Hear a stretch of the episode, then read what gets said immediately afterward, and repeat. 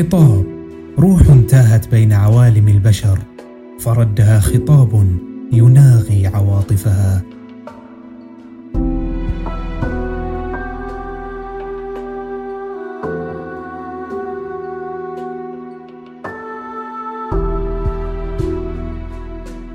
أهلا بكم في بودكاست خطاب حيث نخاطب ذواتنا لنلهمها روح الوعي والفكر.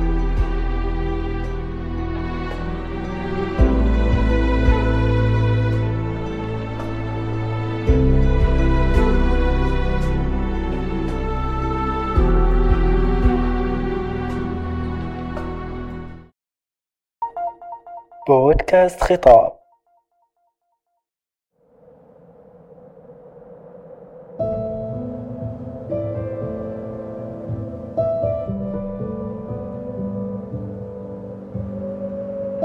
نصوص ومقالات خطابية.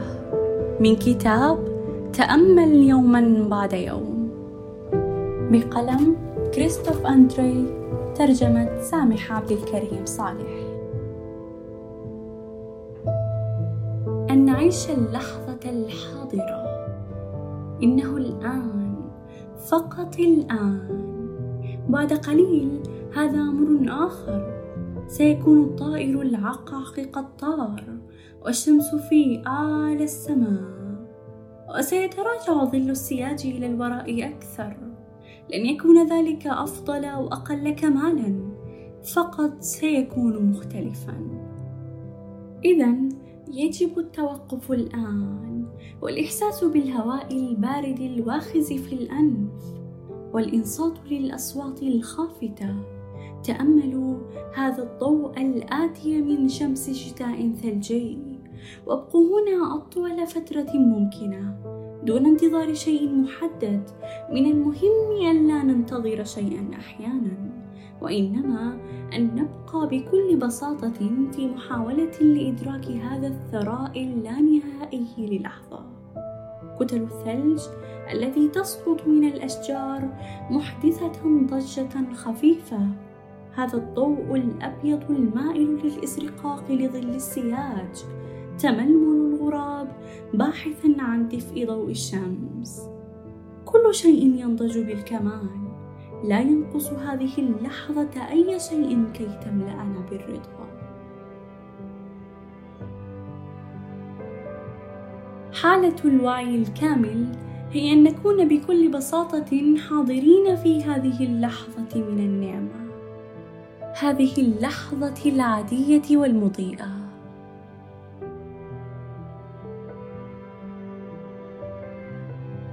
للحصول على نهار شتوي رائع كهذا اليوم لابد من هواء صاف وممتلئ بدفء الثلج. ما يكفي من البرد دون رياح أو القليل منها. ولا بد أن يأتي الدفء مباشرة من أشعة الشمس وليس من ذوبان الثلج. فلا يجب لقوى الطبيعة أن تتراخى. هنري ثورو مذكرات فبراير 1854 أخذ القرار بعيش اللحظة الحاضرة. تعلمنا حالة الوعي الكامل كيف نفتح أعيننا إنه أمر مهم لأنه توجد حولنا باستمرار عوالم لا نكترث لها. هنا والآن إننا نستطيع ولوج هذه العوالم بإيقاف الجريان التلقائي لأفكارنا وأفعالنا.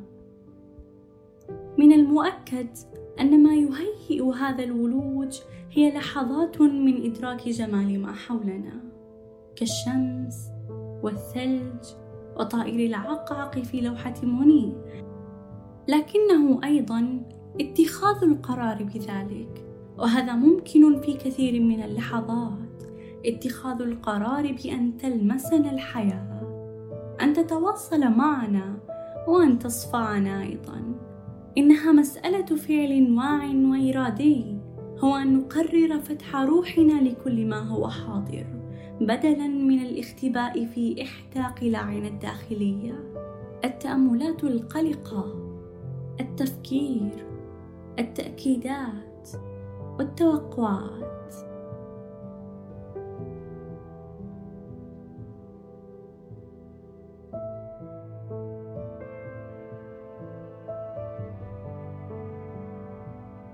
إنه فعل تحرر. إنه تحرر من تفكيرنا بالمستقبل أو بالماضي. إنه حالة الوعي الكامل تعيدنا إلى الحاضر. إنها تحررنا من الأحكام المسبقة لتعيدنا إلى الحضور. إن روحنا مزدحمة بكثير من الأشياء. بعضها مهم وبعضها الآخر قد يكون جديرا بالاهتمام. ومنها ما ليست له أهمية. كل ذلك يمثل حواجزا أمام الرؤية حواجزا أمام التواصل مع العالم. إننا بحاجة إلى الماضي وإلى المستقبل بحاجة إلى الذكريات والمشاريع المستقبلية. الماضي يهمنا والمستقبل أيضا. فلسفة اللحظة ليست أن نقول أن الحاضر أكثر أهمية من المستقبل ومن الماضي وإنما أكثر هشاشة. وعلينا حمايته. هو ما سيختفي من وعينا حالما يهزنا شيء أو يشغلنا أمر. يجب أن نعطيه مساحة أوسع كي يوجد. أن نشعر أكثر من أن نفكر.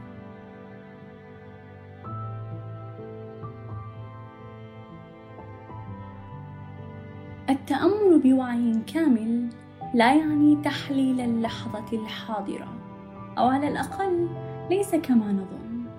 إنه اختبار اللحظة الإحساس بكل كياننا ودون كلام. قد لا نكون معتادين أو قد لا يكون مريحا بالنسبة لنا أن نقضي أوقاتا طويلة من حياتنا دون كلام. من الصعب البقاء صامتين لكننا نستطيع القيام به. إما مسألة التوقف عن التفكير واختبار تجربة التواصل مع أحاسيسنا الداخلية. فإن كان رأينا فيها فإننا قد عشنا هذه التجربة سابقا. إن ما يحدث حقا ويذهب أبعد من الكلام. موصوف بدقة في هذا المقطع من رسالة اللورد شاندوس. إنها قصة رائعة للكاتب النمساوي هوجو فون. منذ ذلك الحين أعيش حياة سيصعب عليكم اكتشاف كنهها ما دامت تجري خارج الروح ودون أفكار.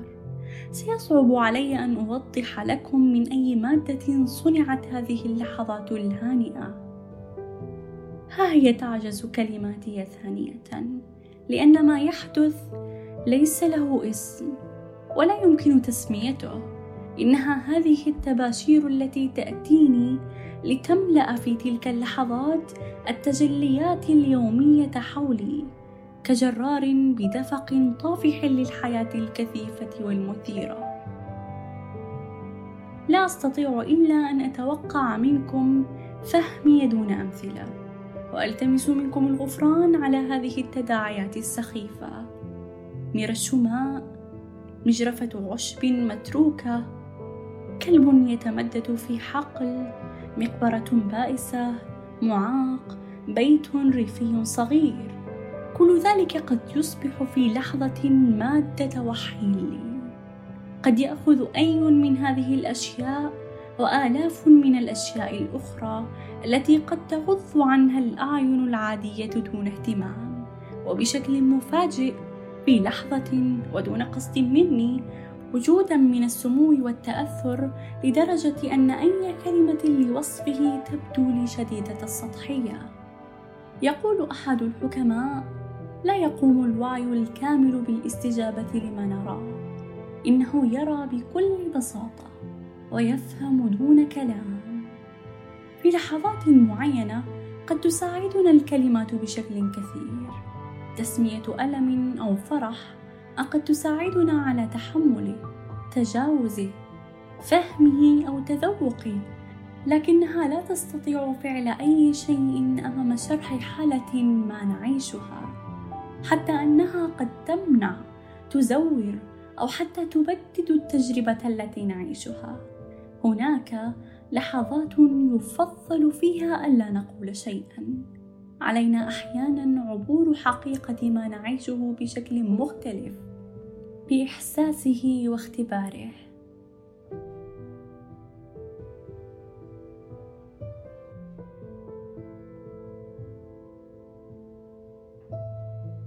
نستطيع أن نتكلم عما يسمى بالوعي المغمور لوصف هذه الحالة الخاصة جدا لوجداننا حين يكون مأخوذا بشكل كثيف لكن دون نتاج فكري إرادي حيث نكون فقط داخل التجربة. الطابع الكثيف للتجربة في أحد دروس التأمل بالوعي الكامل أذكر كيف طلب منا مدربنا القيام بتمرين فريد من نوعه. إنه أحد تلك التمارين التي يفهم سرها حكماء التأمل. لقد طلب منا أن نقوم بخطوة نحو الأمام. وبعد عدة ثوان من الصمت قال لنا والآن حاولوا ألا تكونوا قد قمتم بخطوتكم تلك. حتى تلك اللحظة لم أكن قد سمعت مطلقا أو عشت تجربة بهذا الوضوح من عدم جدوى الندم. ولم أفهم بالضبط قبلها بوضوح. هذا الفرق بين التعليم عبر الشرح والتعليم عبر التجربة. في حالة المفاجأة والحيرة تلك حالة التردد واضطراب الفكر. وجسدي لا يعرف ماذا سيفعل في تلك اللحظة. عندها تم إيصال هذه الفكرة من عدم إمكانية أو جدوى الندم. يعلمنا الوعي الكامل أن التجربة هي بنفس أهمية المعرفة. القراءة عن التأمل ليس كعيشه، الإنصات إلى تمارين التأمل من خلال قرص مضغوط ليس كالقيام بهذه التمارين. لا تحل التجربة بوصفها طريقا نحو ما هو واقعي محل الوعي أو الذكاء لكنها تكملهما. وليس هناك ما هو أيسر من التجربة. يكفي أن نعطي أنفسنا الوقت الكافي وأن نتوقف للحظة لعيشها. أن نرى نسمع ونشعر. يجب فقط أن نوقف الفعل والحركة. قوموا بذلك الآن.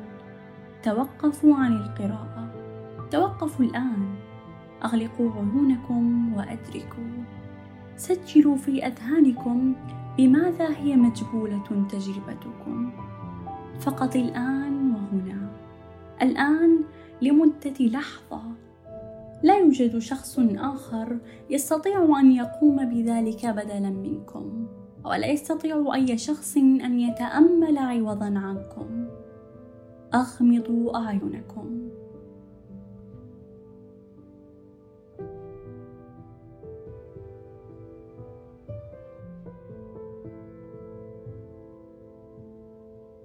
الدرس الأول. العيش هو عيش اللحظة الحاضرة.